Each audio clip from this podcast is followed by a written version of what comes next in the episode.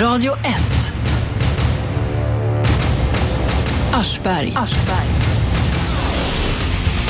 I våras så släppte höjdhoppstjärnan Patrik Sjöberg boken Det såg du inte och där la han korten på bordet i något som har legat och pyrt inom idrottsrörelsen eh, i många år, i decennier och kanske sedan idrotten uppfanns om man ska vara riktigt ärlig. Nämligen det att en del, vissa tränare utnyttjar ungdomarna för sina egna eh, sexuella böjelser. Alltså. De, det är en perfekt miljö att hålla på eh, i eh, idrottsrörelsen. Det finns säkert andra kyrkokörer, scouting och så, men nu är det idrottsrörelsen det handlar om. Eh, Patrik slog larm helt enkelt. Han berättade om hur han själv hade blivit sexuellt utnyttjad av sin tränare Viljo Nuusiainen, som dessutom var hans plastpappa. Eh, eh, det här väckte ett jävla liv. Till att börja med ska jag säga välkommen hit Patrik. Tack så mycket. Vi ska snacka om det. Tidningen Sportbladet, alltså Aftonbladets sportbilaga, har idag en stort uppslagen artikel med massor med exempel på sådana här tränare som eh, på ett eller annat sätt har eh, begått övergrepp mot barn i idrottsrörelsen. Det är allt från kampsport till dans, gymnastik, eh, innebandytränare, fotboll, ordförande i olika klubbar, basket och sånt där. Det var väl så Patrik, att det här var något som var ganska känt i idrottsrörelsen, i vida kretsar, men ingen snackade om det.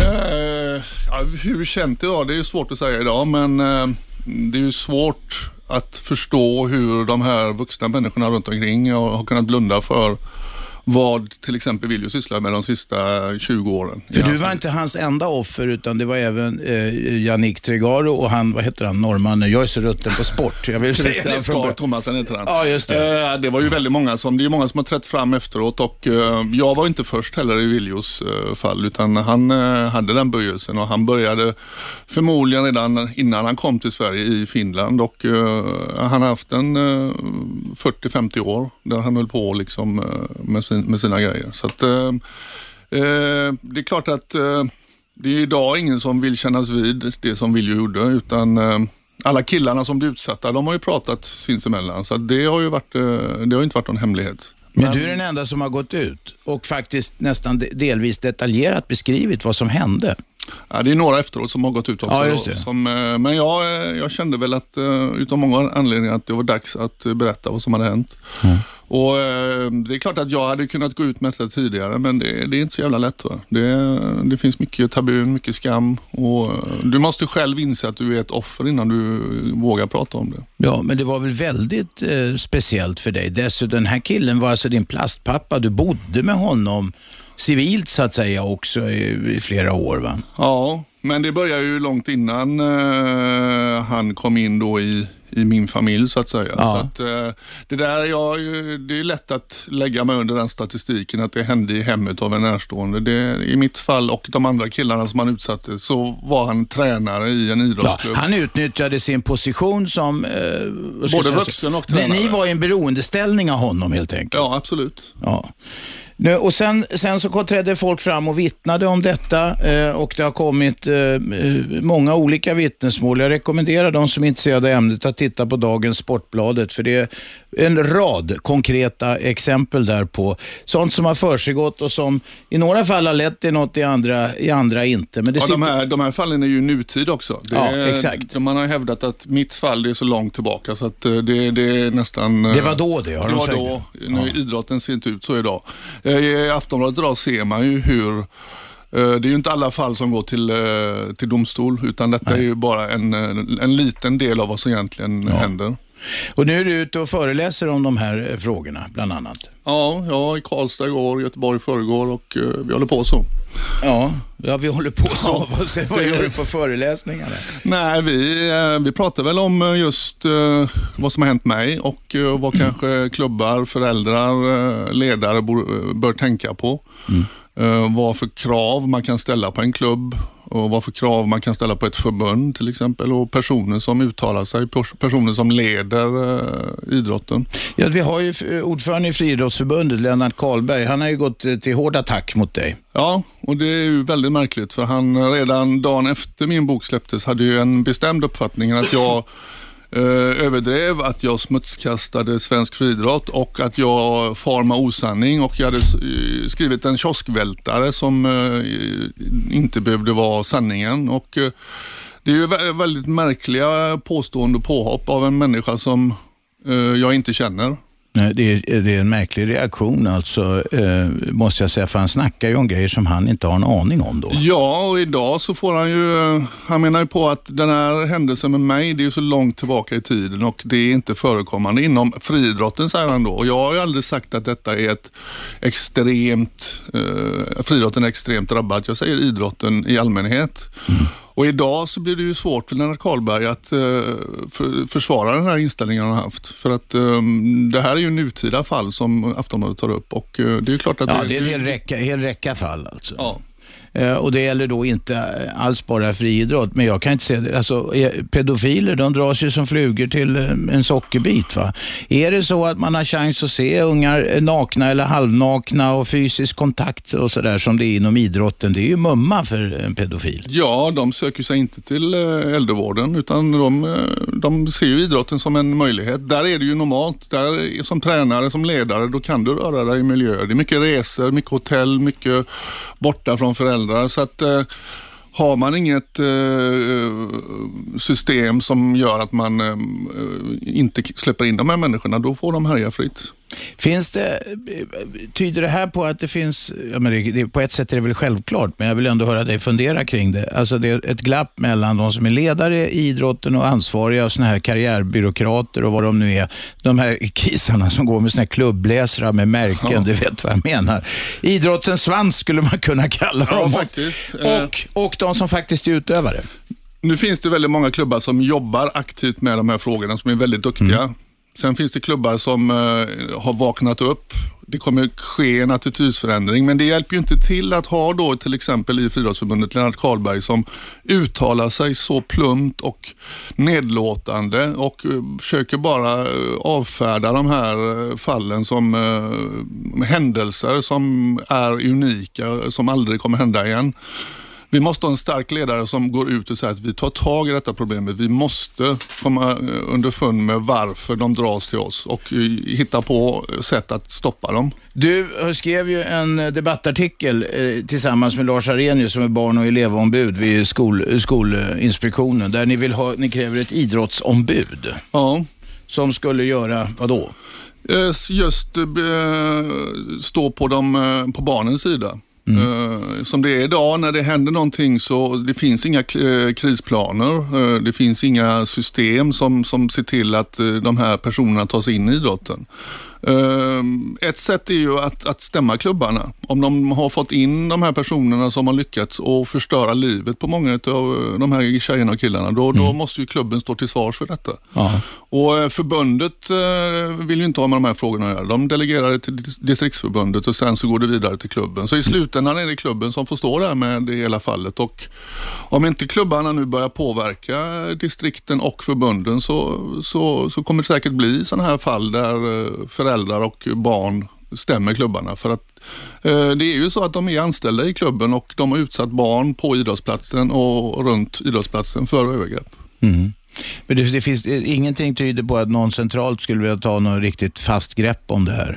Jo, jag tror nu att eh, det här ämnet som Karlberg avfärdat, eh, det tror jag inte många vågar. Det är ju inte så socialt acceptabelt att ha den uppfattningen som Karlberg har. Så att, eh, han hävdar ju att han har internt massivt stöd så att jag uppmanar dem som då stödjer honom att träda fram då. Mm. För um, det är en väldigt märklig uppfattning Karlberg har om verkligheten. Så att, Men, det finns, det, finns, det, fler, finns det fler som han så är det ju hemsk, hemsk värld vi lever i. Ett sånt uttalande tyder ju på maktkamp och det är väl en ständig maktkamp i och för sig om, om de fina posterna så att säga inom idrottsrörelsen. Ja, det är väl klart att det finns sådana som är rädda om sina positioner, men nu pratar vi om barn och mm. Eh, då går det liksom inte att hålla på och kriga om olika positioner, utan vi måste ju värna om de som vi då tar hand om. Sen måste givetvis föräldrarna, de måste ju engagera sig mer i idrotten. Det, det går ju inte att tro att idrotten är något slags eh, dagis där man kan släppa iväg ungarna. Utan, utan man, det finns fula fiskar där också? Ja, det är, idrotten har ju inte, de har ju bestämt att eh,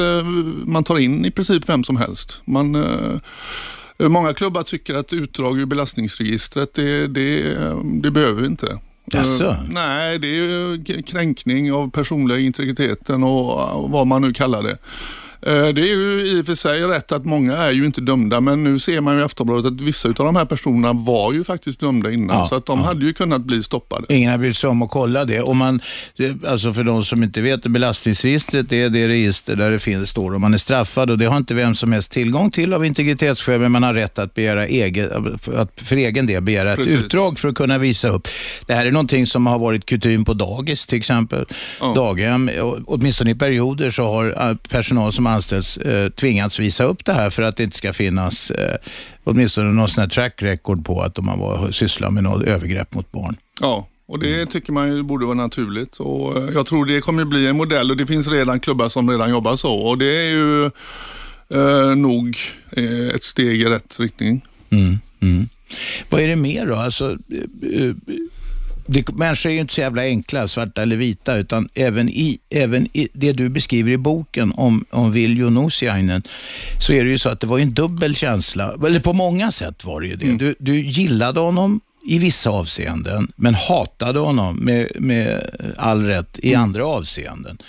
Det är ju det här med beroendeställningen som gör att det är så lätt för eh, tränare eller ledare överhuvudtaget att kunna, så unga människor ser upp till de här och så vidare. Ja, det är, idrotten är ju så speciell med att eh, de som lyckas i idrotten, det är ju de som söker uppmärksamhet. Och Det är ju väldigt lätt då för en människa som har den böjelsen att, att sålla bort de här personerna som inte har den här önskan att synas. Och eh, Har en önskan att synas när du är i 10-12 års åldern så är, går du nästan hur långt som helst och du förstår inte innebörden med olika handlingar. Och där, där är ju pedofiler, vill ju vara ju väldigt eh, dum och naiv på många områden och ointelligent. Men just på den biten att just lä, eh, läsa ungdomar, hur de reagerar, det var han ju mästare på. Ja, och det börjar med att han skulle ja, dra ner kalsongerna, vi ska titta här bara och mäta olika grejer. Och så här. Det är så här försåtligt. Va? Och det kan ju, det skulle ju kunna ha haft någon form av eh, vad ska jag säga, någon, någon form av betydelse för idrottsutövningen. Framförallt när man börjar med så speciell idrott som höjdhopp. Ja, det är klart att långa ben och Ja. hur eh, långa, hur långt i grenen och sådana grejer. Ja. Mm. Det, det är klart att det finns ju naturliga förklaringar för det. Och det där höll han ju på med mig, men sen har jag fått reda på i slutet på hans eh, del utav livet, då, Mm. då la han ner alla de här eh, eh, gåvor och förklaringar utan det var det pang på. Det var liksom, vill du bli lika bra som Patrik då får du ställa upp på det här. Va? Och då Fan vad smutsigt för dig. Då har du Ja, till och med blivit ju- ett argument på något vis. Det där visste ju inte jag om utan det har jag fått berättat sen. Ja, ja. Att det var ju, eh, Patrik gick så här långt och Mm. vill du gå lika långt och, då, och du har bättre förutsättningar menar han på då till de här killarna. Så Mm. du kan ju gå längre. Men då, är- då innebär det de här grejerna. Och det, Och sen vågar inte ungar i den åldern, för att det är skammen, så vågar de inte berätta för sina föräldrar eller för andra. Eh, och så här, för att det är något skitigt, något skamligt med det som man inte vill komma fram med, Ja. vilket är helt naturligt. Då. Folk tror att eh, det är självklart att du går hem och berättar det för dina föräldrar eller din brorsa eller syrra. Mm. Så är det inte, utan det är ju tvärtom. Det där är ju någonting som du håller hemligt. Jag får mail till min hemsida där det finns alltså män som är 70 år som berättar att jag kommer aldrig berätta detta. Jag, kommer, jag förstår precis hur du känner och jag Mm. är väldigt stolt att du gick ut med detta men jag själv kommer inte göra det. Nej, det, det får man liksom acceptera att vissa människor tar med sig det i graven. Vissa anmälde det första veckan och Mm. som i mitt fall tog det 30 år. Ja, ja, just det. Och det här, under de där 30 åren, var det här något som gnagde oavbrutet? Eh, Det kom ju i vågor och Mm. jag tror eh, när jag blev pappa själv då, då började jag liksom se på det på ett helt annat sätt. Mm. Då, då, då, då förstår man ju själv att det finns något annat i livet som är viktigare än, än sin egen person. Mm. Och om man bara funderar de tankarna, eh, om detta skulle hända min, min egen dotter, hur skulle jag reagera? Hur, eh, hur ska jag kunna motverka att det ska hända? Och så att, eh, där föddes nog fröet till boken. Mm. Eh, ni ska så småningom få börja ringa eh, in och snacka med Patrik Sjöberg. Jag ska säga det att boken också, det du inte såg, det, det, är, det, det handlar inte bara om de här frågorna. Det handlar till exempel om svarta pengar i idrotten, om lycksökare som eh, eh försöker eh, sko sig på andras bekostnad och så. Eh, vi kommer in på det så småningom. Patrik Sjöberg sitter i studion. Vi diskuterar eh, hur pedofilerna rör sig inom idrottsrörelsen. vi är strax tillbaka. Det här är Aschberg på Radio 1. Radio 1. Aschberg. Aschberg. Måndag till fredag 10 till 12, repris 20 till 22. 101,9 MHz i Storstockholm. Ni kan lyssna via radio1.se också eller telefonappen som är gratis eh, och fungerar utmärkt. Det är också gratis att ringa hit på 0200 11 12 13. Höjdhoppsstjärnan Patrik Sjöberg numera pensionerad från de höga hoppen, men han sitter i studion. Han eh, driver nu en kampanj, eh, och det var på tiden, mot eh, eh de dåliga insatserna när det finns misstankar om eller fullbordad, eh, fullbordade såna pedofili, sexuella övergrepp inom idrottsrörelsen. Han har själv varit ett offer för detta, eh, vilket han eh, beskrivit eh, ordentligt i boken Det du inte såg. De har gått ut i 70 000 exemplar nu, plus ljudböcker och grejer. Va? Mm, ungefär. Ja, och den boken kan jag säga, den handlar inte bara om detta, utan den handlar till exempel om svarta stålar inom eh, idrottsrörelsen också. Den handlar om eh, lycksökare och allt möjligt annat. Förutom de som är riktiga idrottsnördar, det är ju inte jag, där Patrik beskriver olika stämningar och hopp och taktik i tävlingar och sånt där. Det är nog mer spännande för de som är riktigt idrottsintresserade också. Men det är en bok som går utmärkt att läsa för såna idioter som jag som inte begriper någonting om idrott. Jaha, Patrik, den där artikeln du skrev ihop med barn och elevombudet eh, Lars Arrhenius, där så tycker ni att alla ideella tränare ska registreras. Ja. Det, det trodde jag, säger min enfald, att hallå, det görs väl? För att alla ungar som är där, de registreras väl för, för bidrag ja, och sådana ja, saker? Ja, det är ju aktiv, aktivitetsstöd och grejer. Ja. Så där är man ju väldigt snabb och försöker få, få in de pengarna. Så att, eh, jag menar ju att när man får bidrag och man får stipendier, man får olika eh, fonder från, från olika håll, då ska de ju även vara eh, med villkor att när ni väl får de här pengarna så måste ni ställa upp på den här planen och visa hur ni jobbar för att inte det ska komma in mer fall i idrotten. Mm. Och Det där eh, är klubbarna inte bra på, utan man är väldigt bra på att eh, hitta lösningar just med det ekonomiska. Och Det är också ursäkten hela tiden, att vi, vi jobbar ideellt, vi har inte råd, vi har inte tid med de här grejerna. Och Det, det är också Ska det behöva gälla ens egna barn innan man bryr sig? Menar, man måste ju acceptera och förstå att alla barn på idrottsplatsen är dina barn om du har blivit en ledare eller tränare. Då mm. måste du bry dig lika mycket. Mm. Vi tar in ett samtal nu, dagens första. Kattis, varsågod. Hejsan Robban, hejsan Patrik. Hej. Du, det är ett svårt ämne. Ja, det är väldigt svårt. Och jag ska försöka vara stark. Kom igen nu Kattis. Du har något att berätta, är det så? Ja. Prova, kör hårt nu. Och Patrik vet. Patrik vet, är det någonting du har mejlat honom om eller? Nej, men jag är en av de utsatta också. Vad var det som hände då? Först och främst så tycker jag att det är jättebra, som Patrik säger, att eh, man borde dra utdrag ur alla som jobbar med barn. Alltså vi talade om utdrag ur belastningsregistret för att se att någon inte är dömd. Det är ju inga garantier, det finns ju de som inte är dömda också, men ja, det är ju precis. ett sätt. Ja. och det är nästan de som är, vad ska man säga, de, de som är farligast. Och jag kan säga så här att eh, det är tack vare Patrik Sjöberg att folk vågar prata om det. Mm. Vad var det som hände dig, Kattis? Jag var en liten tjej. Och så var det grannen som utnyttjade mig i flera ja. år. Ja. Var det här i idrottssammanhang eller? Ja. Okej, du tränade någon idrott. Var grannen, ja. var grannen din någon slags tränare eller ledare ja. där? Ja. Länge, du, du, du låter inte eh, som en tonåring idag. Hur gammal är du? Ungefär. 48. Förlåt? 48. 48. Så det här är några år sedan då gissar jag? Det här pågick, jag minns inte första gången, utan jag börjar minnas typ när jag var ja, 33 år. Du började minnas det här då? Mm. Okej. Jag gick ju hela min ungdom och tänkte liksom att jag kände mig konstig. Jag förstod liksom inte typ vad det var som var fel. Mm.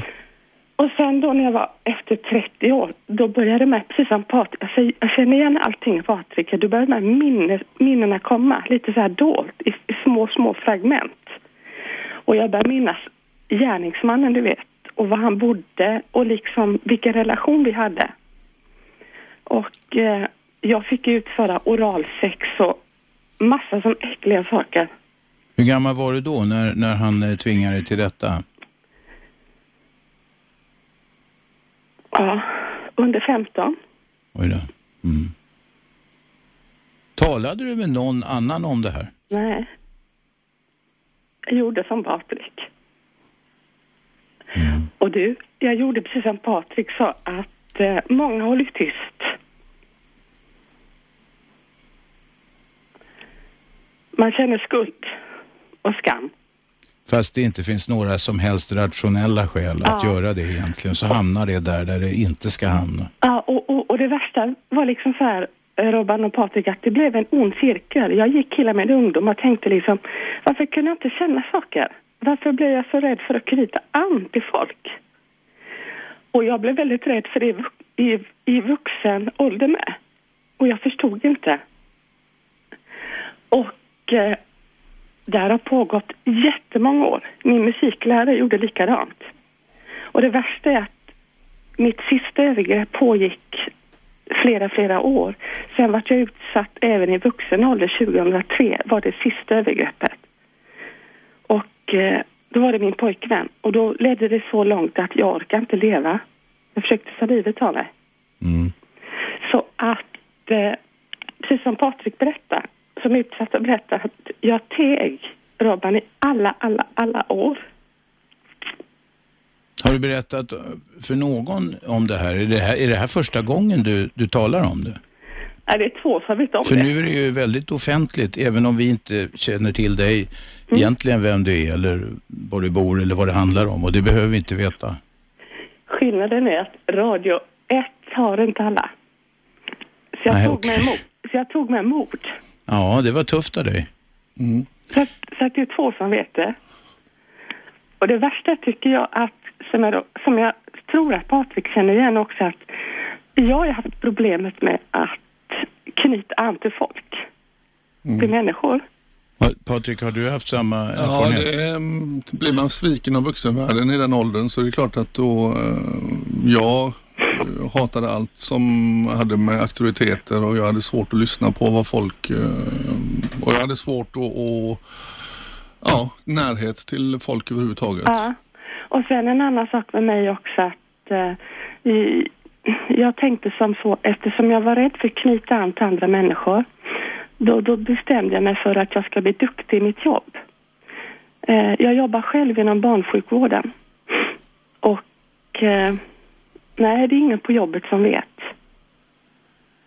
Och eh, jag har väldigt svårt att knyta an till, till människor och jag tror alltid att det är ditt, mitt fel och jag får panik så fort en, så fort en, en man ska, ska peta på mig. Mm. Så jag vet när jag var yngre, när jag var tonåring och även när jag var i vuxen ålder. Utan, eh, jag har kommit på mig själv med att jag har haft sex med väldigt, väldigt många män utan att förstå varför. Idag tror jag att jag förstår varför. Du Kattis, eh, det känns hemskt här i denna eh, stund när det är jobbigt för dig. Men vi ska ta nyheter. Kan du hänga kvar en stund bara så fortsätter vi snacka med dig. Mm. Eh, häng kvar bara så återkommer vi till Kattis och din berättelse. Det här är Aschberg på Radio 1. Radio 1. Aschberg. Det är jag det och vi sänder varje vardag 10 till 12. Reprisen går 20 till 22. Ni lyssnar på 101,9 i Storstockholm. Det är megahertz det och detta är Sveriges nya pratradio. Man kan lyssna via datorn på radio1.se och appen också. Höjdhoppsstjärnan Patrik Sjöberg sitter i studion. Ja, det är ett tag sedan. Det är ett halvår sedan styvt som eh, Patrik gav ut boken Det du inte såg som handlar om hur han blev sexuellt utnyttjad av sin tränare och plastpappa Viljo Nosiainen. Med på telefon har vi Kattis eh, som eh, berättar om hur hon blev utnyttjad i idrottssammanhang och senare också i andra sammanhang. Kattis. Hej. Hej. Det är skitjobbigt det här. Jag förstår det. Du hade bara berättat det för två personer och så berättar du nu i radion. Mm. Jag skulle vilja säga så här också, att det som Patrik berättat, det är tack vare Patrik att jag vågar ringa in. Men det är jävligt tufft. Och jag skulle vilja säga så här också, med anledning av det som jag själv har gått igenom och bär på. Det fick faktiskt mig till att, till att ha sex med en massa olika killar, massa olika män. För jag trodde faktiskt att det var ett sätt att få finnas i ett sammanhang. Ja, det är sorgligt men det är sant att eh, då i den stunden så, så, så var jag någon. Ni, ni förstår säkert. Mm. Patrik fattar också ja, jag, säkert. Jag, jag, jag, tror, eh, jag tror jag förstår vad du menar. Jag har mm. hört liknande Alltså det är en form av självskadebeteende eller, eller, eller så att man försöker få hitta någon bekräftelse på att man är värd något och så egentligen så ja. vill man inte göra det man gör.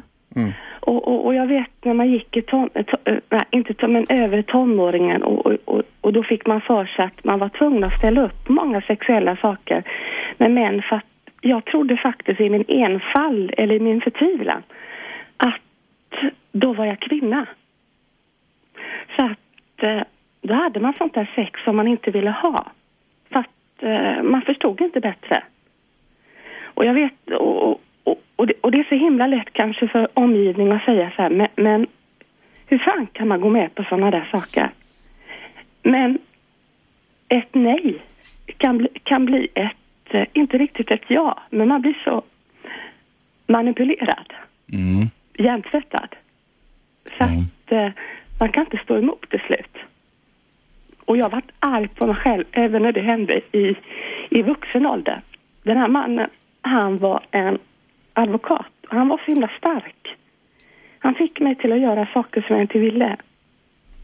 Och det var först då jag började förstå, liksom, precis som du säger, att det jag gjorde, det var nästan... Ja, ja, du sa det bra, självskadebeteende. Men jag förstod inte det då. Nej. Du, den här idrotts... Eh, var, var du, när du var i idrottssammanhang, när det här började, när du var väldigt ung? Ja, jag var, un, jag var under 15 år och jag ja. har ju alltid tyckt om att hålla på med bollsporter och jag var bra på höjdhopp och allt möjligt då. Men, mm, ja. Vad var det för idrottsgren som du tränade? Mm, det var, det, I skolan höll man ju på med fotboll och allt möjligt och badminton höll jag på med väldigt, väldigt mycket. Okej. Okay. Var det i det sammanhanget som den här tränaren eller ledaren eh, förgrep sig på dig? Han var våran idrottslärare. Jaha, i skolan alltså? Ja, precis. Eller vad kallar man det? Vad hette? Gymnastiklärare tror jag det hette förr Gymnastikdirektör hette det när jag var liten. Okej. Okay. Ja. Och sen visade det sig så att han, han var ju min granne mer eller mindre. Och jag vet att han bodde med sin mamma hemma.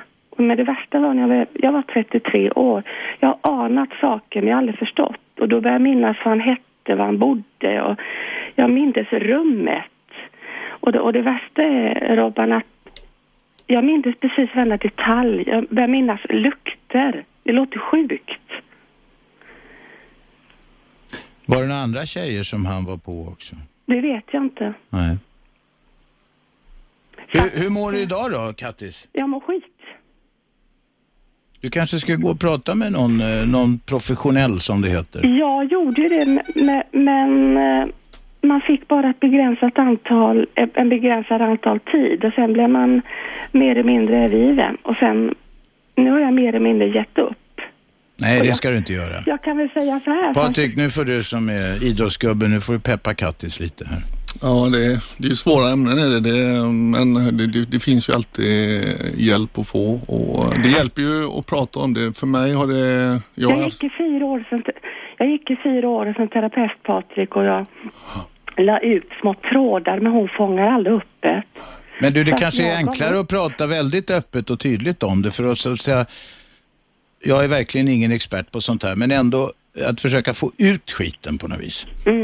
Jag kan säga så här, jag har inte velat leva sedan 2003. Så, så skit är det. Och jag skulle avsluta så här genom att säga bara några ord. Förträngda demoner. En oerhörd kraft och tid det kan krävas för att sanningen ska komma fram. Utsatta berättar sällan vad de har varit med om. De nekar, de förnekar. Det kan ta lång tid bara att förstå vad det är man har varit med om. Att gå till polisen, hur svårt är inte det? Som utsatt så känner man sig ensam i det här. Ansvaret vilar på vuxenvärlden. Förövarna har allt för mycket svängrum. För utsatta börjar en personlig kamp, en process där sanningen kommer fram till slut. Där den får omgivningen att plötsligt känna att något omvälvande har hänt oss. I mina ögon så är jag den sämsta som finns. Jag har straffat mig själv många gånger att jag inte längre minns. Äcklet står mig upp i halsen. Det är så mycket skam kopplat till det här. Min självbild är skev. Jag önskar att det hade varit annorlunda med andras hjälp. Men för mig så känns det för sent. Tack snälla ni för ett bra ämne. Ja, ja, tack för samtalet. Lycka till nu Kattis. Hej. Hej. Du känner igen det här. Du, får, du har kontakt med folk, eller det är folk som kontaktar dig i liknande... Eller, Ja, jag får eh, väldigt liknande mejl. Och eh, jag är ju inte expert på detta området eh, mer än att jag varit utsatt själv och i och för sig nu då träffat många experter som eh, man har fått prata med. Men jag känner igen allt det här, just det här med, med många killar har berättat om Eh, de kommer ihåg rum, lukt, eh, olika, eh, ja, olika händelser som, som har satt sig fast i, i, i hjärnan. Mm. Och Det är just det att man måste inse att man är ett offer. När man väl gör det så, så, så jag har haft förmånen att skriva en bok och kan sitta och prata om det. det. Alla får ju inte det. Men jag har ju märkt att det hjälper mig väldigt mycket och eh, sen att det hjälper andra också så, så känner jag. Jag kommer alltid bära på de här minnena. Det här folk som tror att man skriver en bok för att tjäna pengar Och sen är man, har man liksom... ja, sen så är det bra. Ja. Det, det är inte så, utan de här minnena får, alla som har blivit utsatta för det här vet vad jag pratar om. Du bär med de här minnena och du får lära dig på något sätt att leva med det. Men, vad- men vadå, Vem säger, han skriver en bok för att tjäna pengar på det. Vem fan skriver en bok utan att ta betalt för? Alltså jag förstår inte det argumentet. men Skulle det, det- på något vis ta ner det Ja. budskapet i boken? Ja, det, det, det började ju nästan veckan efteråt jag släppte boken att eh, är detta verkligen rätt forum? Kunde inte han gjort detta på ett annat sätt? Att komma nu med en bok, och det, det är ju lite suspekt. Jag skriver boken om mitt liv och eh, som du sa så är det ju andra historier i boken ja, också.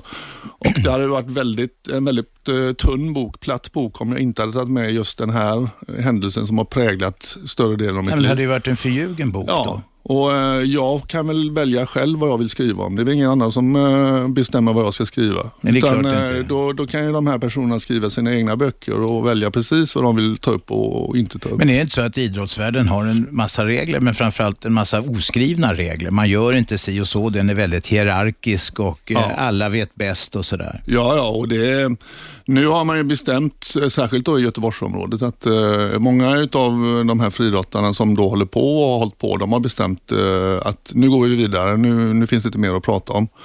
Och eh, Många säger jag har sagt tillräckligt i den här frågan och jag har ingenting mer att tillägga. Ingen har egentligen sagt någonting. Utan eh, man har snackat om någon utredning då i min klubb som skulle göras som sen skulle leda någon vart. Vad jag har hört är att eh, man beskyller mer eller mindre mig för att de står nu med massa psykologkostnader som de eh, inte vet hur de ska betala. Och eh, vart utredningen har lett, om den är omfattande, det, det, det är ingenting som de kommer släppa på. Utan det, den är gjord för någon intern granskning som bara ska finnas där. Ja, ja, så de, det är bara pliktskyldigt jävla agerande. Ja, det känns ju så. Ja. Och det händer, det händer ingenting i praktiken. Och sen så, det här är ju en vanlig grej. Äh, nu, nu, nu har vi snackat om det här, då går vi vidare. Det är lite som det finns i politiken. Jag vill minnas en annan, jag tror stats, den käre statschefen nämligen eh, kung eh, Karl XVI Gustav. Han sa väl nu vänder vi blad Ja, och går det- vidare. Och då var allting, då var det klart. Ja, ja det, är, det är lite så. Nu säger jag inte att alla klubbar är så, utan eh, det finns väldigt många klubbar nu som vill jobba med detta aktivt och kommer jobba med detta aktivt. Vi kommer alltid ha den här problematiken. Det kommer bli väldigt svårt, för, för som hon sa här, att de som inte är döm, dömda är oftast de som är farligast. Det är Ja, ja. självklart, för de smyger sig in. Just det. Eh, Kan vi få kontroll på de som är dömda redan, då kan vi i vart fall avfärda dem direkt och se till att de inte kommer in och kommer i kontakt med ungdomar. Men sen måste vi ju jobba på de som inte är dömda, så vi måste bli mer observanta och se signaler. Mm. Mm. Vä- Nej, jag trodde det var någon som ringde in. Ni kan få fortsätta, eller fortsätta, ni kan få börja ringa på riktigt. 0211 12 13 och tala med Patrik om de här frågorna. Vi ska så småningom komma in på lite grann annat också, för boken handlar eh, sannerligen inte bara om eh, eh, om sexuella övergrepp inom idrottsrörelsen, utan det handlar om svarta pengar och lycksökare och allt möjligt. Det är en märklig värld som öppnar sig för oss som inte kan något om idrott när man läser Patriks eh, självbiografi. Eh, vi är strax tillbaka. 0211 12 13 är telefonnumret. Det här är Aschberg på Radio 1. Radio 1. Aschberg. 101,9 MHz i Storstockholm, Radio 1, Sveriges nya pratradio. Patrik Sjöberg, eh, numera pensionerad från höjdhoppet. Han håller på med andra grejer. Bland annat föreläser han om ett ämne som eh, eh, ligger honom nära, där han var en eh, banbrytare får man säga. För att eh, i våras så kom boken Det du inte såg och där beskrev han hur han eh, Eh, av sin, ble, blev eh, sexuellt utnyttjad av sin tränare och plastpappa och nu eh, drar eh, Patrik en lans för att försöka komma åt eh, de sexuella övergreppen inom idrottsklubbar. Hur vanligt är det här? Det resonerade vi lite grann om i pausen.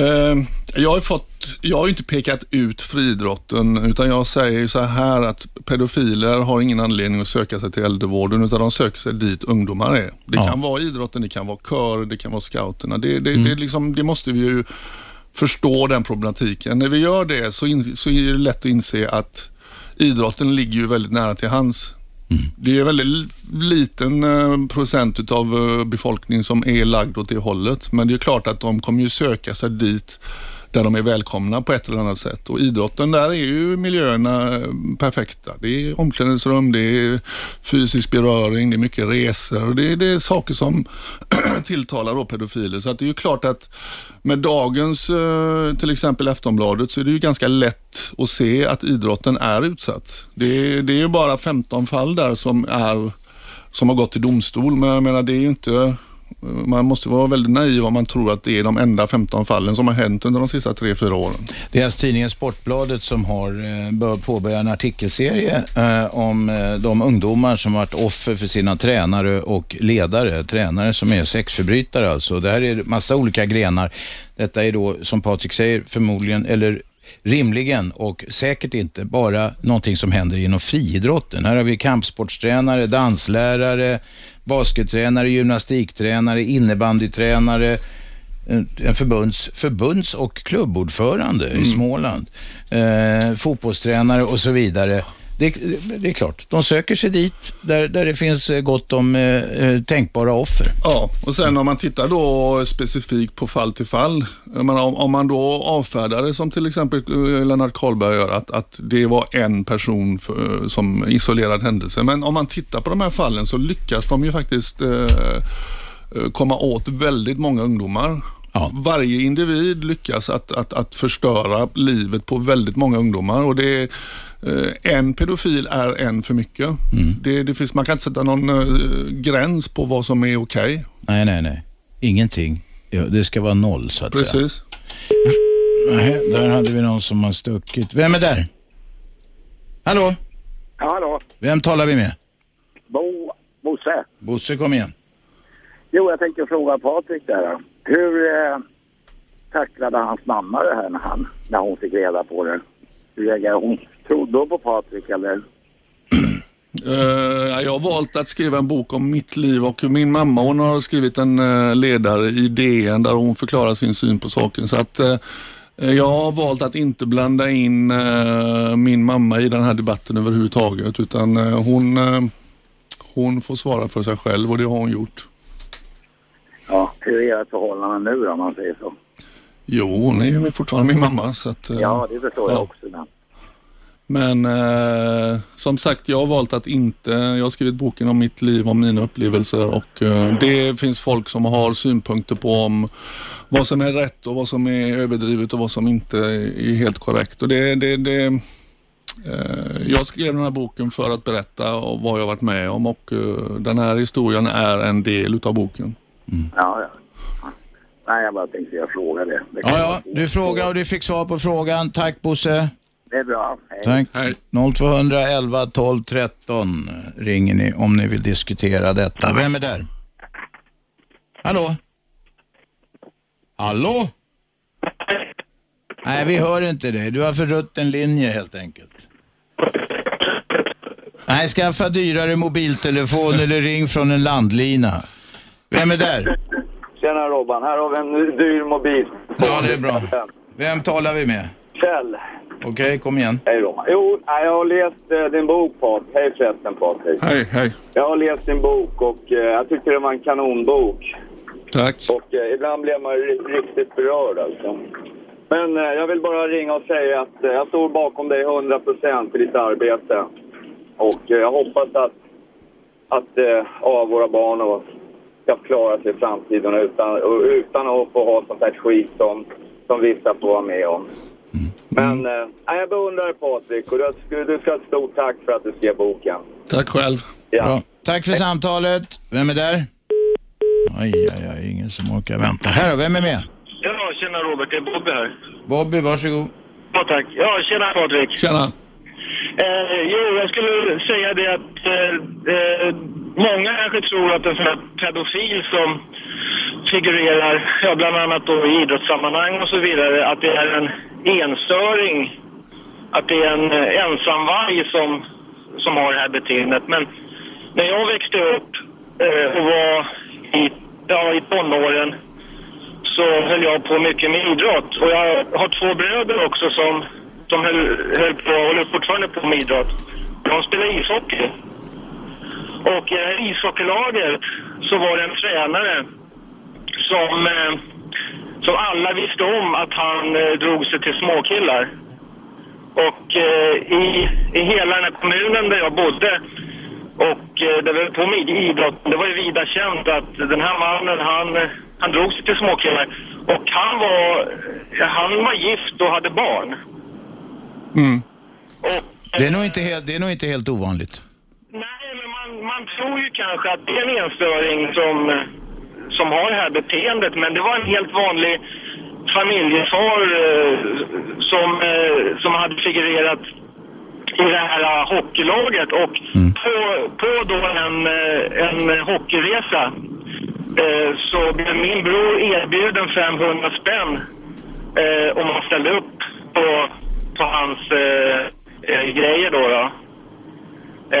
Ja, sexuella grejer. Och eh, det var ingenting jag drabbades av själv, men jag fick ju höra det här utav min bror långt efteråt då. då. Men var det ingen som reagerade om, om, om grabbarna, för jag antar att det bara var grabbar i det där hockeylaget, om de eh, kände till det och snacket gick och så, var det ingen som tog upp det med någon förälder? Var det ingen som, som gjorde något åt det? Eller i alla fall började ställa frågor? Nej, det var ju det som var så märkligt va, för alla visste om det här och det här kom ju, kom ju fram också. Eh, mina föräldrar fick ju det här och, men det var liksom ingen som, som tog upp det här till ytan och, och alla visste vem den här mannen var och vad han höll på med och han, och han liksom figurera och han, han, han var en ganska stor profil i, i den här kommunen och i det här laget och han håller väl på fortfarande kan jag tänka mig va. Men eh, jag vet inte hur många killar Men undrar, här undrar man ju alltså om det finns någon slags jävla helighet i idrottsrörelsen. Det här, sånt här möte tror man att det, det förekommer bara i katolska kyrkan där de försöker mörka att, att en massa präster har begått övergrepp mot ungar eh, och sådär. Men, men när man har en sån här organisation som har någon slags helighet över sig, då kanske det är fritt fram. Ja. Nej, jag tror också att det, det är svårt, eh, ett jobbigt ämne som eh, många vill ducka för. Och även till och med föräldrar som hör sådana saker. eh, Jag tror någon generation sedan eller två generationer sedan, det, är- det är svårt att prata om det. Idag så tror jag att ämnet är så pass belyst så att det kommer bli svårare att kunna gömma sig bakom de här sakerna. Det, för 20 år sedan, 30 år sedan, då var det inte så lätt. Då, då fanns väl inte ordet pedofil utan då var det fula gubbar va? och då fanns de här historierna. Men idag så kommer det nog bli svårare. Bobby, vet du vad jag tycker du ska göra? Jag tycker att om du tror att det här pågår fortfarande så ska du ta lite tag i det och snacka med den där klubben. Och berätta om det som hände då. Ja, men alltså... Det, Det är inte svårare än att du ringde hit egentligen. Nej, exakt. Gör det det då? Det är det jättemånga, jättemånga som vet om det och allting, men alla håller ju käften liksom. Ja, men då får ju du vara sån här whistleblower som det heter. Ja, fast det, det här var ju väldigt, det här var på 80-talet liksom. Och, alltså det är väldigt länge sedan då. Men håller han på fortfarande så då har han ju samma läggning och eh, då kanske det är dags att slå en signal. Be dina kompisar ringa också. Det räcker ju med några stycken som ringer så sätts det visst. igång. Ja, visst. Ja. Lycka till med det. Ja, tack Hej, då. hej, hej. hej. Vem, ah, vem är med? Nej, vänta. Vem är med? Ja, hej. Mats heter jag. Varsågod. Jag tror att det inte är helt lätt att, att liksom börja röra i det där. För 15 år sedan stötte jag på en snubbe som bar sig konstigt åt, åt min eh, svägerskas 10-åriga dotter. Han liksom följde efter henne. Och jag bara minns, han visade mig sitt körkort av någon anledning så jag memorerade hans personnummer. Så bad jag min snutkompis att kolla och då hade han suttit inne för pedofili. pedofili va? Och så visade han, var en, en vanlig spärr alltså i Stockholm. Men det visade sig sen, han var chaufför då till något damfotbollslag och massör var han då naturligtvis va. Och eh, sen blev vi hembjudna till dem, till hans nya kärring och den här människan hade två döttrar som han då blev plastpappa åt. Och jag kände, vad fan ska man göra? Vad ska jag, ska jag polisanmäla honom för att han har gift sig med en kärring som har två barn? Jag, jag, Nej, jag- det är ju faktiskt inget brott i sig. Nej, vad ska man göra? Jag visste ju att snart, snart händer det ju någonting. För jag såg ju på honom och eh, Nisse eller vad han hette, han, han eh, är så bra med mina barn och sådär. Mm, mm, och jag mm. visste ju att eh, hela hans liv eh, var ju pedof pedofiliserat liksom. Ja, ja. Samtidigt måste man ska polisanmäla eller något. Alltså en häxjakt som är- misstänkliggör alla, det är ju inte heller något bra. Nej, det är ju inte det. Det är ju fullständigt fruktansvärt. Men man alltså. måste ha något konkret att gå på. Det, och, men då ska man ju å andra sidan agera hårdare.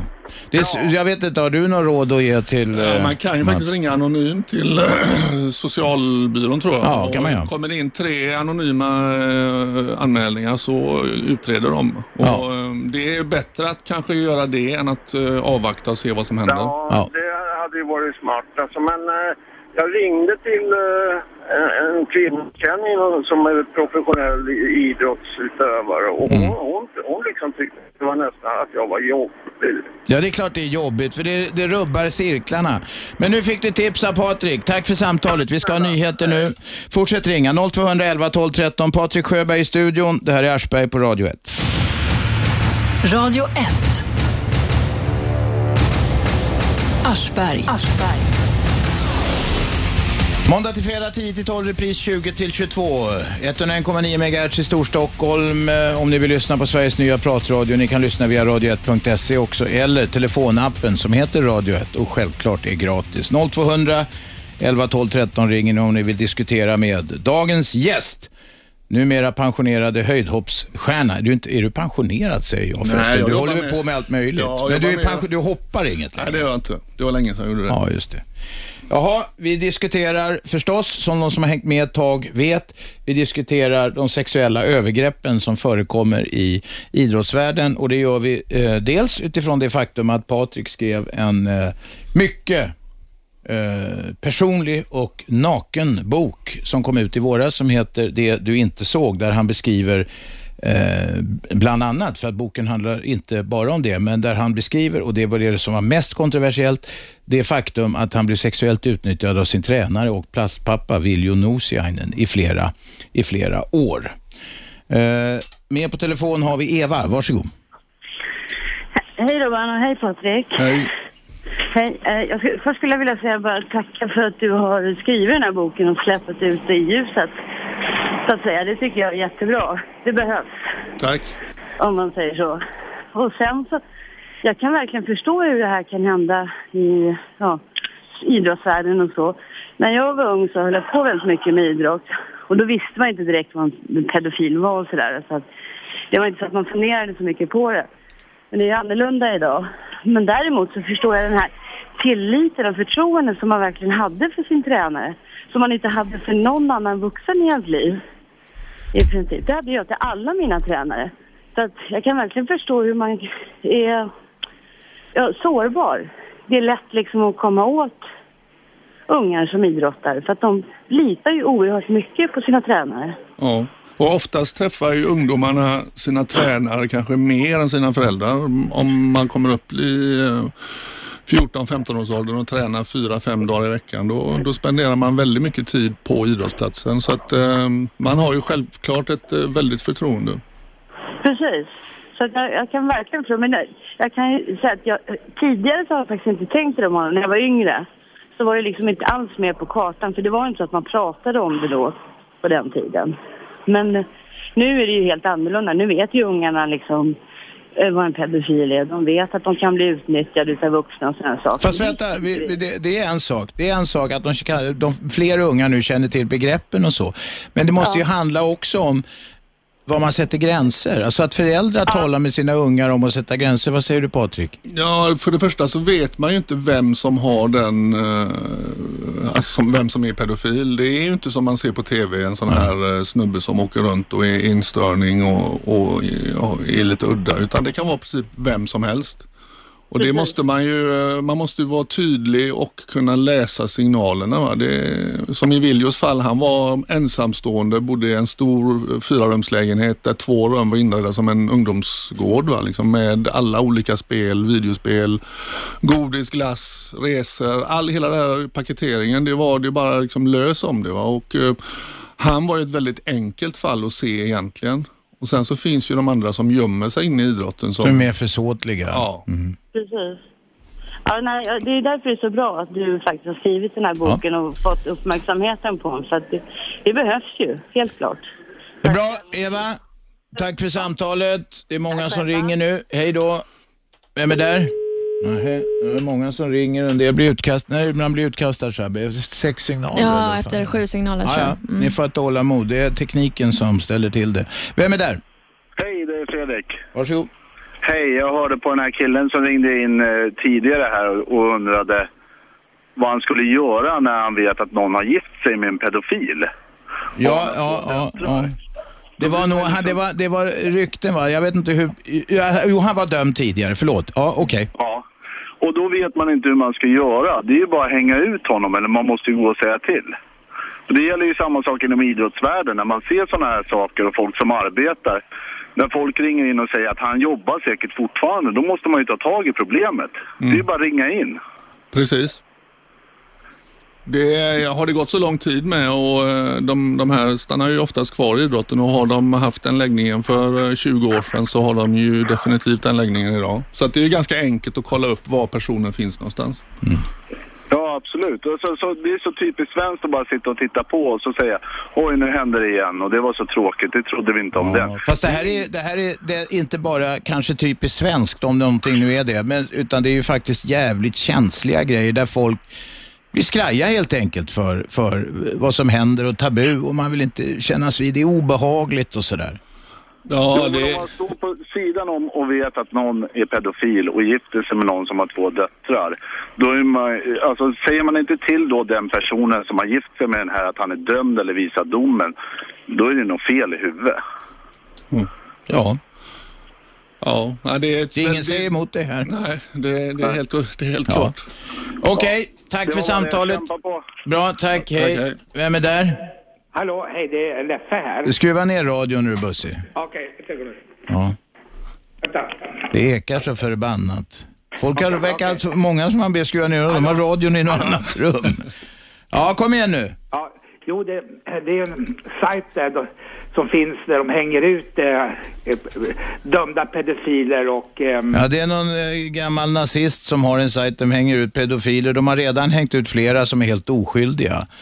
Oj. Det är inte säkert det där är rätt medicin va? I USA är det, är det la, helt lagligt. Ja, I vissa delstater så eh, hänger de ut sådana som har varit dömda för pedofili. Men eh, eh, jag vet inte om det är det som är medicinen. Vad säger du Patrik? Nej, jag har ju sett eller, några dokumentärer just om USA och eh, i vissa fall är det ju helt okej, men där får man också tänka på att eh, du blir dömd som pedofil fall, fast du är, fall du är som 16-åring och har då en relation med en tjej som kanske är 15 år. Mm. Och då har du en pedofilstämpel resten av livet och Mm. eh, jag har ju sett då dokumentärer där killar har fått hela livet och anmäla sig var de än flyttar någonstans och så fort de flyttar någonstans så sitter deras eh, ansikte på varenda eh, på affisch, aff, eh, affischer överallt. Va? Att här bor en pedofil i grannskapet och det, det är klart att det kan ju slå lite fel då. Vissa stater så har de ju, måste de ha vissa vägskyltar de här för detta pedofilerna. Så att de ser... Men Är det ett system du förordar eller? Säkerheten går ur spel då, om det ska bli så. Ja. Okej, okay, tack för samtalet. Vem är där? Nähä. Vem är där? Men där får man också... Hallå, vem talar vi med? Förutom radion som ekar någonstans. Ja, Christian heter jag. Bra, skruva av radion när du är bussig. Ja, den är avstängd nu. Tack, tack. Kom igen, kom till saken. Jo, jag tänkte höra... Hej, Christian heter jag förresten. Hej. All, något som skulle kunna fungera, skulle inte det kunna vara anmälningsplikt eller något? Att man måste anmäla om man har blivit dömd för något sånt där, att man måste... Jag berättar det då, på att man har någon skyldighet typ. Skulle inte det kunna vara något?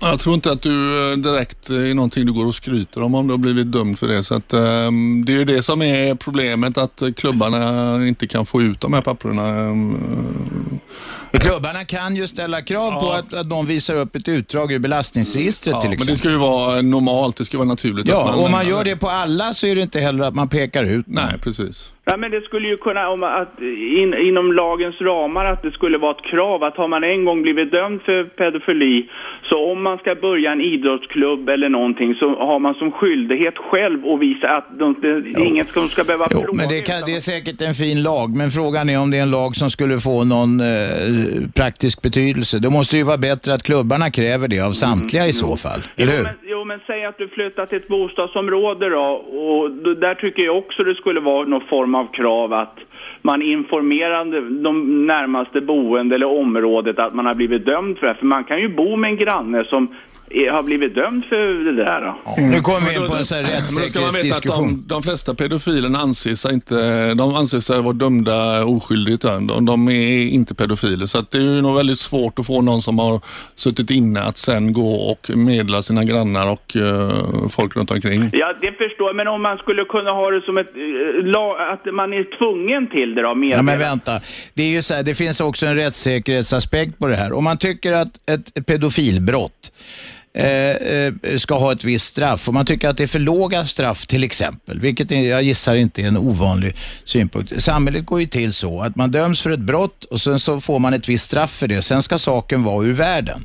Nu är det så att de som har den där böjelsen, förmodligen, den går ju inte av för att eh, någon vård eller någon terapi och så i fängelse, det är väl inte mycket att snacka om egentligen. Kemisk kastration är väl det enda som har visat sig vara effektivt när det gäller pedofiler och det finns ju en del institutioner där de gör det. Men frågan är hur, hur länge en person som har begått ett brott, vilket som, ska straffas. Alltså, det har ju förekommit nästan lynchningar i USA eh, av, av folk som har varit dömda för något som, som kanske sen faktiskt icke, även om de har det här skiten i sin fantasi, icke har begått nya brott. Så det där är komplicerade frågor. Ja, men en gång dömd pedofil så är du ju alltid det. Jag menar, det, jag menar hellre att den får, att få visa upp att han är dömd än att det är något nytt barn som blir utsatt. Jag menar, har du gjort en sån handling så kan man ju inte säga att eh, efter avtjänat straff efter fem år så är du fri. Jag menar, det där har du livet ut. Har du gjort en sån där sak så får du leva med det och då ska de närmaste, tycker jag, få veta det.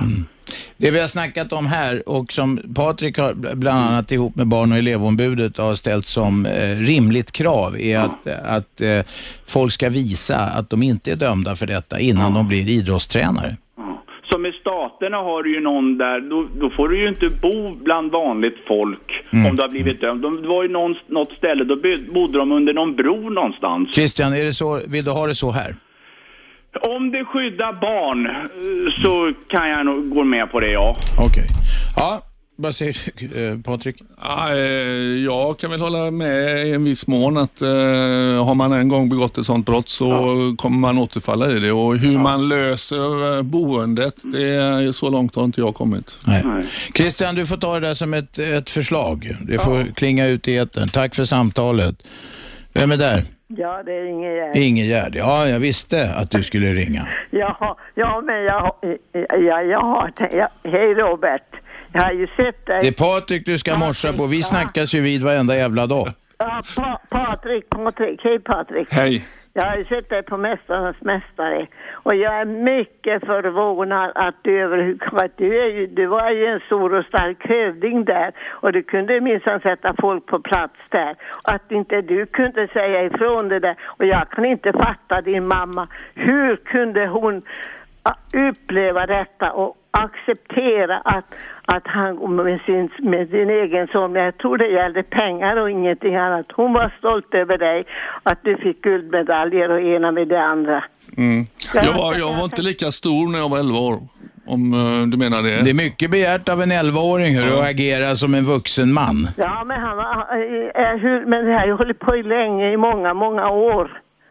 Ja, inte med mig, utan han fortsatte med andra killar. Jag läste i boken, vänta då, jag läste, vänta Ingegärd.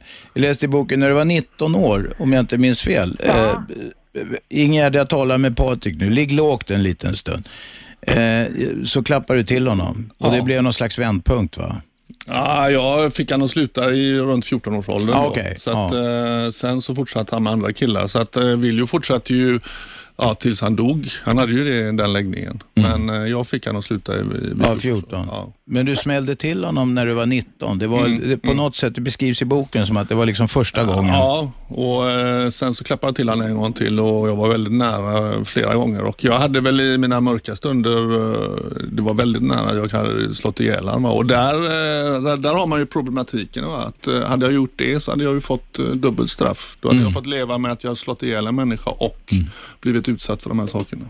För jag ska säga det att jag har, själv när jag bodde på landet då hade jag en granne som var förälskad. Men i tio års tid så försökte han på alla möjliga sätt han var gift att jag skulle ha sex med honom så jag förstår hur... Hur gammal var du då då Ja, Ingegärd? men nu när jag varit, jag är uppe i 60-årsåldern. Ja men hur gammal var du när det här hände?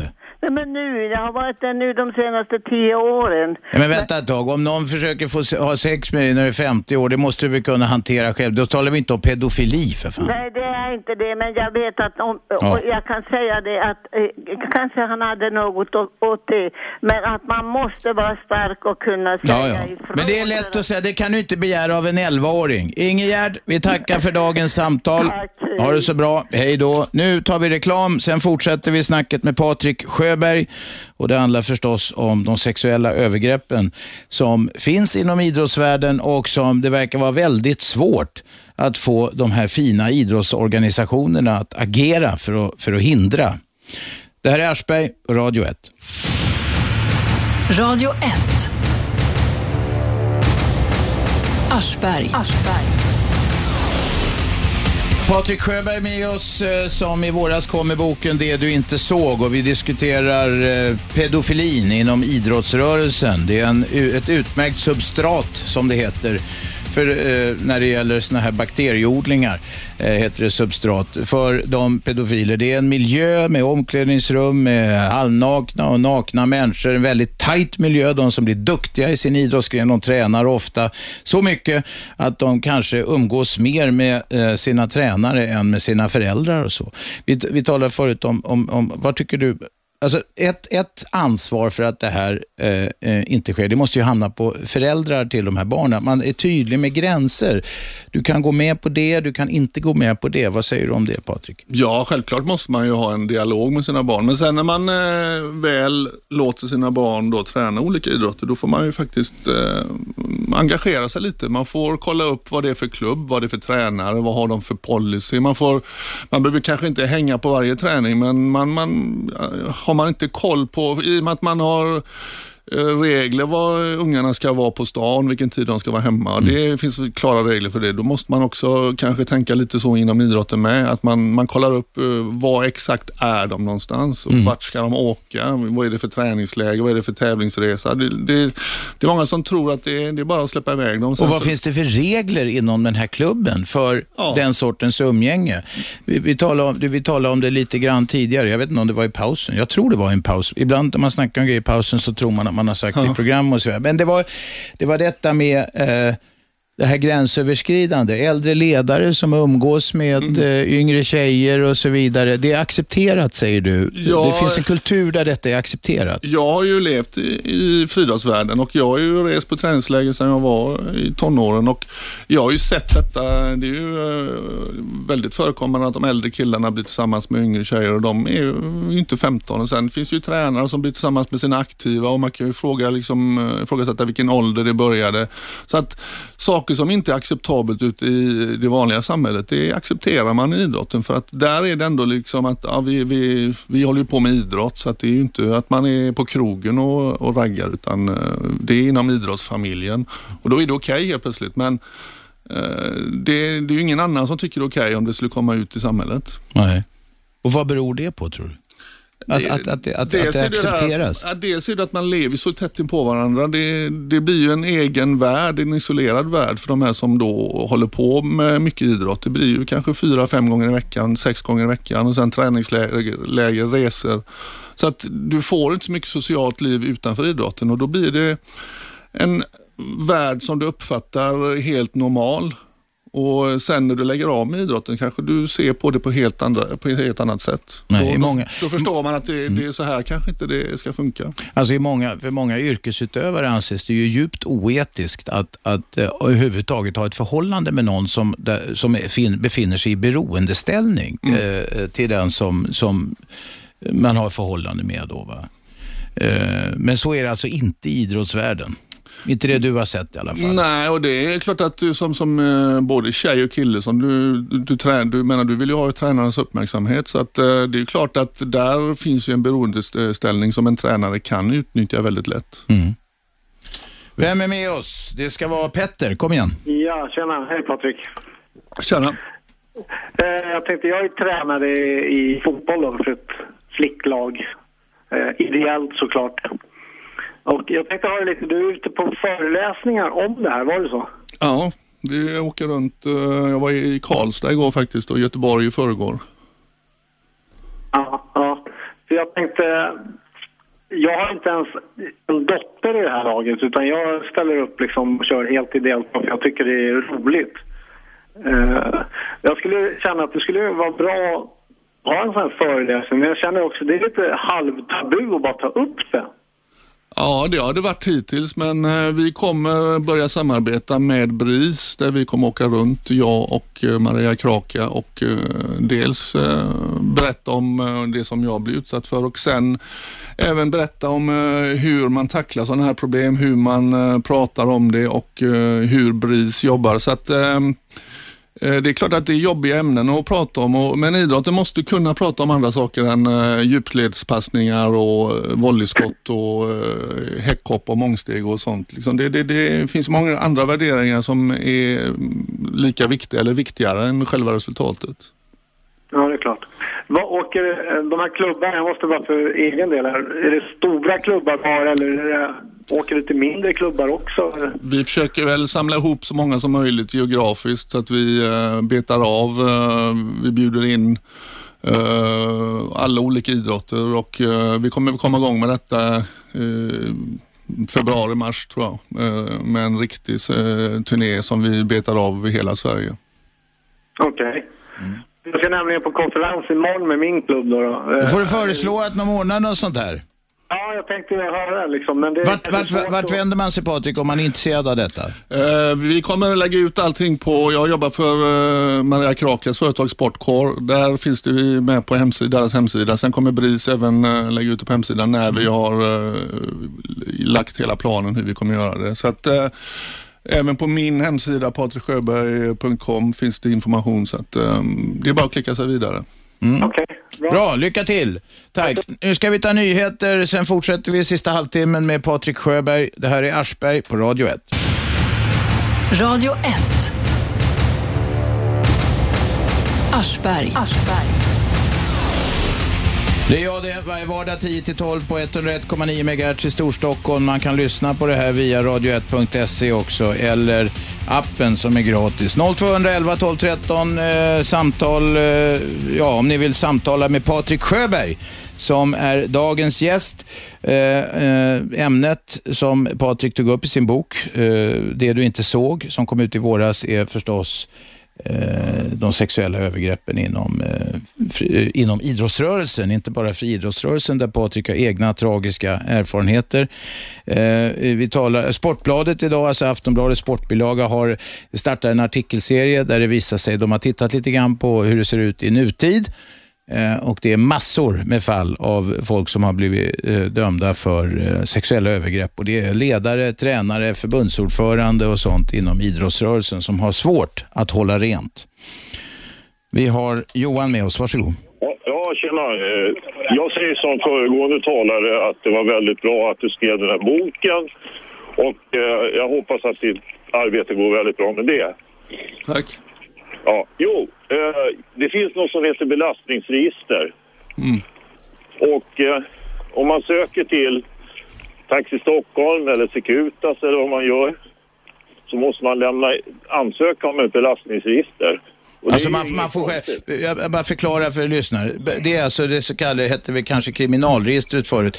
Det är ett register som eh, har listor över de som är straffade för olika brott och man kan själv begära utdrag och visa upp. Och det du snackar om, Taxi Stockholm, Securitas, alltså, där, må, där kräver arbetsgivarna att man visar det innan man får jobbet. Du, du får inte se det själv. De skickar hem det till dig. Jag har jobbat på Securitas och, utan det skickas till arbetsgivaren.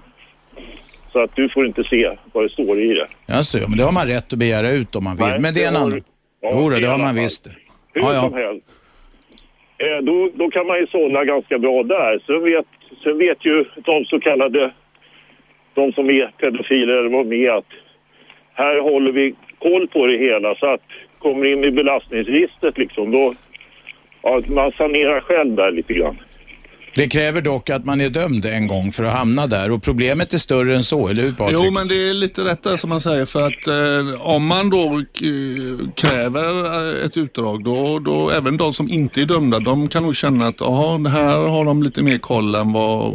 Så Ja, då, då kanske man får söka sig någon annanstans. Så det, det är också ett varnande exempel för de här som då inte är dömda. Så att, eh, jag förstår inte varför man inte väljer den här modellen. Ja, det, det, det jag tänkte liksom. För att det, det är ju en grej som blir, då blir det lite mer självsanerande. Då är det inte så rolig marknad längre. Nej. Nej. Som ja, på dagis och sånt där har de Alltså, jag bara upplyser om, eh, Patrik har tillsammans med barn och elevombudet Lars Arens krävt att klubbarna ska eh, börja agera på det sättet. Det är ingen regeringsfråga utan det kan ju vilk, vem, vilket företag som helst eh, begära ett belastningsregister. Det, det finns inget- klubbar redan som, som har den policyn, som eh, jobbar på den modellen och det är hedersvärt. Jag tycker det är, de, alla klubbar borde ju göra så här när det handlar om barn. Absolut. Det är Mm. helt och hållet. Sen tycker jag då även att föräldrarna ska vara mer uppmärksamma och det ska gå ut mer information då till eh, ungdomar att hur det ligger till. Ja, det är helt rätt. att det, var, det var bara det. Okej, tack för samtalet. Tack. Tack. 0211 12 13 om ni vill diskutera de här frågorna med Patrik. Vi måste ta, ta upp lite annat ur boken, för boken handlar ju faktiskt, den är större än detta eh, skitiga och tragiska ämne. Det handlar till exempel om svarta pengar. Det har du tagit emot en hel del under din karriär, Patrik. Ja, idrotten eh, var på den tiden, eh, dels var friidrotten amatörstämplad så att vi fick inte tjäna pengar, men vi tjänade ju pengar ändå. Hur, hur går det till då, för någon som inte är insatt? Ja, först och främst måste du ju bli hyfsat bra så att Ja, du ja, kan men det ställa ju, ekonomiska krav. du va? var ju inte Och, bara eh, hyfsat bra, du var ju en stjärna. Nej, och det blev ju, jag hade ju gärna betalat skatt på pengarna men då, då hade man ju blivit diskad för att man var proffs. Så att eh, det fanns en eh, tyst överenskommelse mellan eh, arrangörer, idrottsman, förbundet. Alla visste om vad som försiggick och det var, det var en modell som man använde under många år. Eh, det var någon gång på ja, 90-talet, slutet på 90-talet, där man började luckra upp de här amatörbestämmelserna och fick då börja bilda bolag och att, så man kunde börja och samla pengarna och göra lite andra saker. Eh, och ehm, Det gjorde ju att eh, det var ju halvskumt vad du än gjorde. Nu flyttade jag ut från Sverige 1990 så att eh, vad jag beskattade mina pengar var ju ointressant egentligen. Men fram tills dess så fick jag ju lära mig från idrottsrörelsen hur man gör det. Och det var lite märkligt att jag fick kritik sen eh, utav samma personer som faktiskt hade lärt upp mig. Det de, som hade, de som hade slantat började kritisera Ja, det var ju den modellen man använde. Sen att jag kanske förädlade den och som de själv sen använde. Men eh, det var ju väldigt många som gav mig skit för att jag, eh, jag är ju ändå rak och ärlig och står för det. Och jag var ju inte den enda som fick betalt utan det här var ju en modell som användes. Frispråkighet är inget framgångsrecept inom idrottsvärlden. Inte om man vill göra karriär som byråkrat i alla fall. Va? Nej, då, eh, jag tror jag är körd på de posterna faktiskt. Har de inte bett dig? Har de inte gett dig någon sån här klubbläser med något märke på Nej, bröstet? de vill nog inte ha med mig att göra tror jag. Ja, vem är med på telefon? Ja, tjena, det är Åke. Åke, var du som ringde igår och sa fula ord? Ja, jag ber om ursäkt där. Det var ju, jag misstolkade att han var eh, någon slags äldre människa, för jag var inte med i programmet. Vad vill du idag Åke? Du var visst med i Nu programmet. undrar jag så här, eh, Nosiainen, vad hette han förnamn? Viljo. Mikko. Viljo? Ja. Okej, okay. mycket fint namn. Men, eh, varför fick inte Viljo säga någonting här? Eh, Varför skrev man boken efter Viljos död? Eh, eh, liksom, det verkar lite så här att man vill ha ut en bok på grund av sitt eh, fina namn, uh, Höjdhoppen. Och då är det lätt att få ut en bok va? Ja, jag hör att du är från Finland. Jag får många mejl från Finland som har den uppfattningen. Och det, eh, man får sätta sig in i problematiken, hur det fungerar när man blir utsatt för ett sådant övergrepp. Och, det, det, det, man kan inte bara säga att eh, man går och anmäler det samma dag som det händer. Det är en, eh, en procedur som tar väldigt många år och för mig tog Åke, det Åke, 30 år. backa. Låt Patrik snacka. Ja, du ställde en fråga och jag försöker svara. Eh, det är en perfekt värld så hade jag anmält Viljo samma dag som han gjorde det, men eh, jag klarar inte av det. Du snackar... Killen, vänta ett tag. Åke, Åke, lugna dig. Patrik är alltså, vad är det, så, 11 år någonting när det här börjar? Ja. Ja, men hur många år väntade du när, efter att du blev 18? Väntar efter jag blir 18. Ja, för du gick ut med Åke menar innan, innan du gick ut med detta. Ja, det tog 30 år, eh, mer än 30 år. Ja, det, det ju... det är ju- Ja, man skulle, jag skulle ju vilja gärna höra Nosianen också säga. Ja, det är jävligt svårt för han dog Det 90... inte skulle ha hänt, men ändå tycker jag väldigt konstigt om det skulle ha hänt mig. Men vänta, vänta, vänta, Åke, får jag bara fråga en sak? Tvivlar du på, tror du att Patrik har diktat det här? Ja, en del, en del har han nog diktat på. Och det, vad fan baserar du? Vem fan är du att säga om en kille som har varit utsatt för såna här övergrepp? Har du det? Nej, inte som jag vet. Men vad fan vet du om det då? då?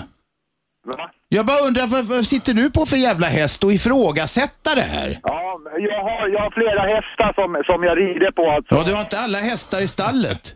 Jo, det har jag. Eh, jag håller på med... eh, Men du Åke, eller vad det hette, har du missat att det är en, en 10-15-tal killar som har eh, gått ut och berättat samma historia om Viljo? Har du missat det eller? Nej, men jag tänkte... Ljuger de också då? Alla har, alla har suttit på den här informationen i 30 år eller 20 år. Ja. Det är inte att då vill man liksom ut när någon, någon går ut. Då, då ska alla ut med det. Att ja, jag med, jag med. Jaha. Vet du vad Åke? Vet du vad Åke? Jag tror att du hade snackat lite annorlunda om du hade varit över, utsatt för sexuella övergrepp när du var 11 år. Du hade inte varit lika kaxig nu i snacket.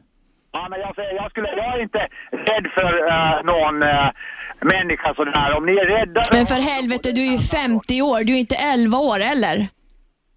Du kan ju inte sätta dig själv i en annan människas, sit- människas Passar du nu situation. Åke? Nu blir Shabbe arg också. Ja, men hallå, vi pratar om en sak som hände 30 år sedan. Eh, Söderberg, eller vad han heter, den här höjdhopparen.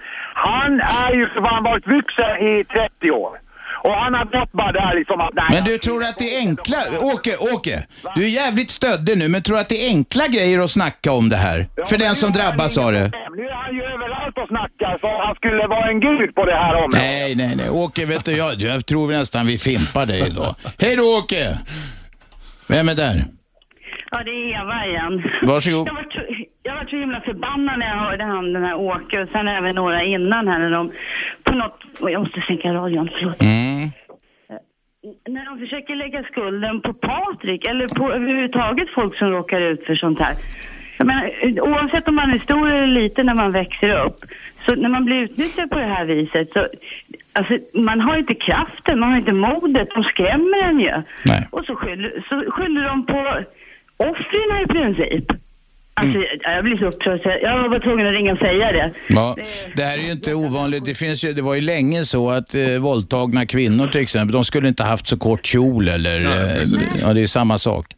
Ja, jo, det är samma. Det, det är fruktansvärt. Alltså, jag fattar inte hur de kan säga sådana här saker. Och sen då att de påpekar att han väntade i 30 år.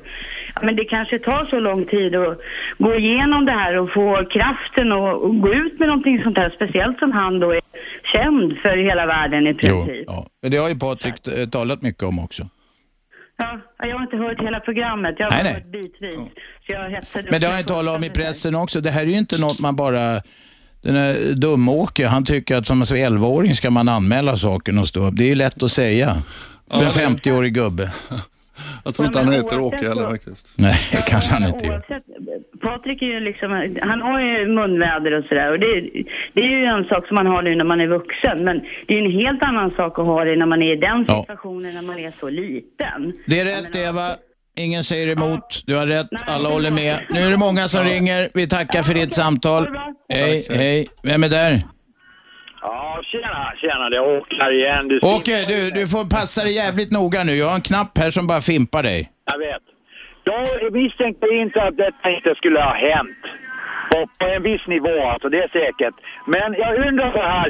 Eh, när man fyller 18 år, då, då är man fullvuxen. Och om jag skulle ha hamnat i det här läget, så jag vet mig själv liksom. Jag skulle hata den personen så mycket, så jag skulle anmäla honom som fota Det är bra Åke, du är en riktig tuffing. Du får vara en förebild för alla andra, men tro inte att det är så jävla enkelt bara. Hej då Åke, trevlig helg. Vem är där? Ja, hejsan. Ehm, jag ehm, ville bara också ge igen på den här Åke. Som tjejen innan där jag blev också så förbannad på hans sätt att resonera. Mm.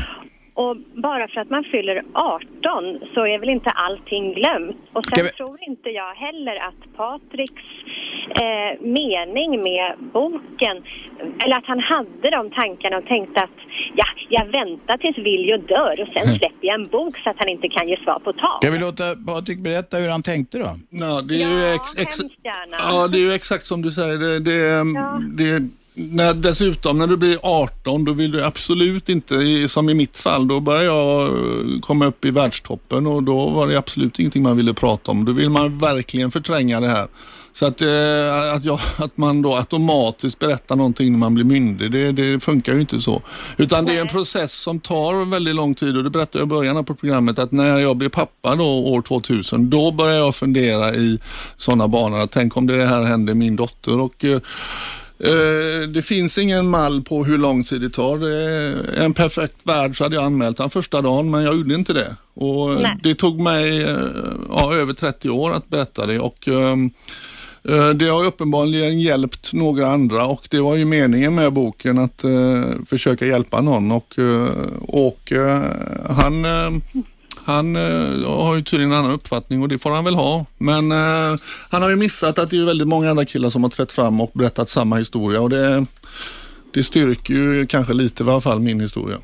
Ja, Nej, inte så lite heller. jag tvivlar Och- inte i alla fall. Nej, bra. Tack för samtalet.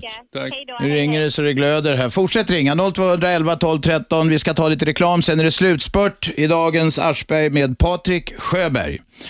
Ni lyssnar på 101,9, Sveriges nya pratradio. Vi är strax tillbaka. Radio 1. Aschberg. Aschberg.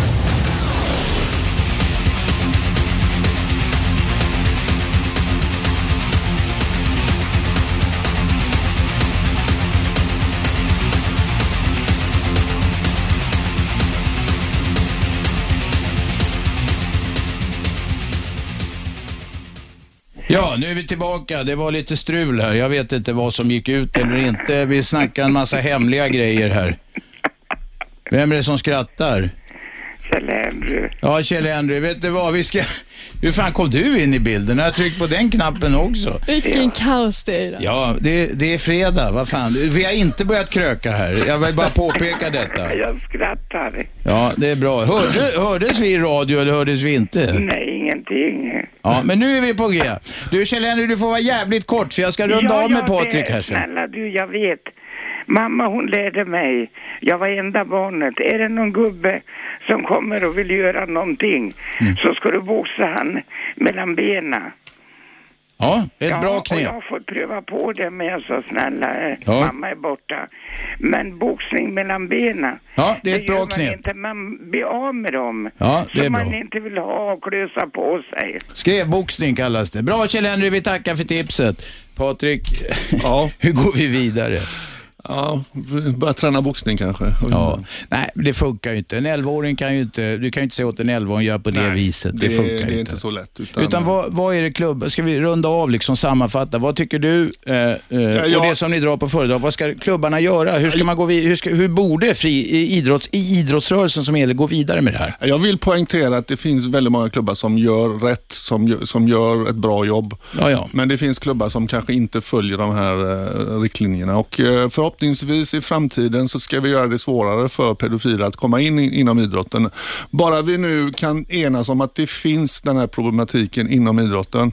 Vi får slut på de här dumma påståendena att det, det finns ingen, ingen sån här eh, problem inom idrotten utan Visst, pedofiler söker sig till idrotten. Hur ska vi göra för att bli av med dem? Då har vi kommit en lång väg. Och förmodligen är det så, så att vi inte har skrämt skiten ur föräldrar och barn som vill börja med idrott, att det här är inte så att varenda tränare, varenda ledare, utan Absolut det är en mycket inte. liten Det är en väldigt grupp. liten, liten grupp, men de kan ställa till med mycket skit. Ett Så att helvete för många unga. Ja, och de måste vi ju se till att få bort. Mm.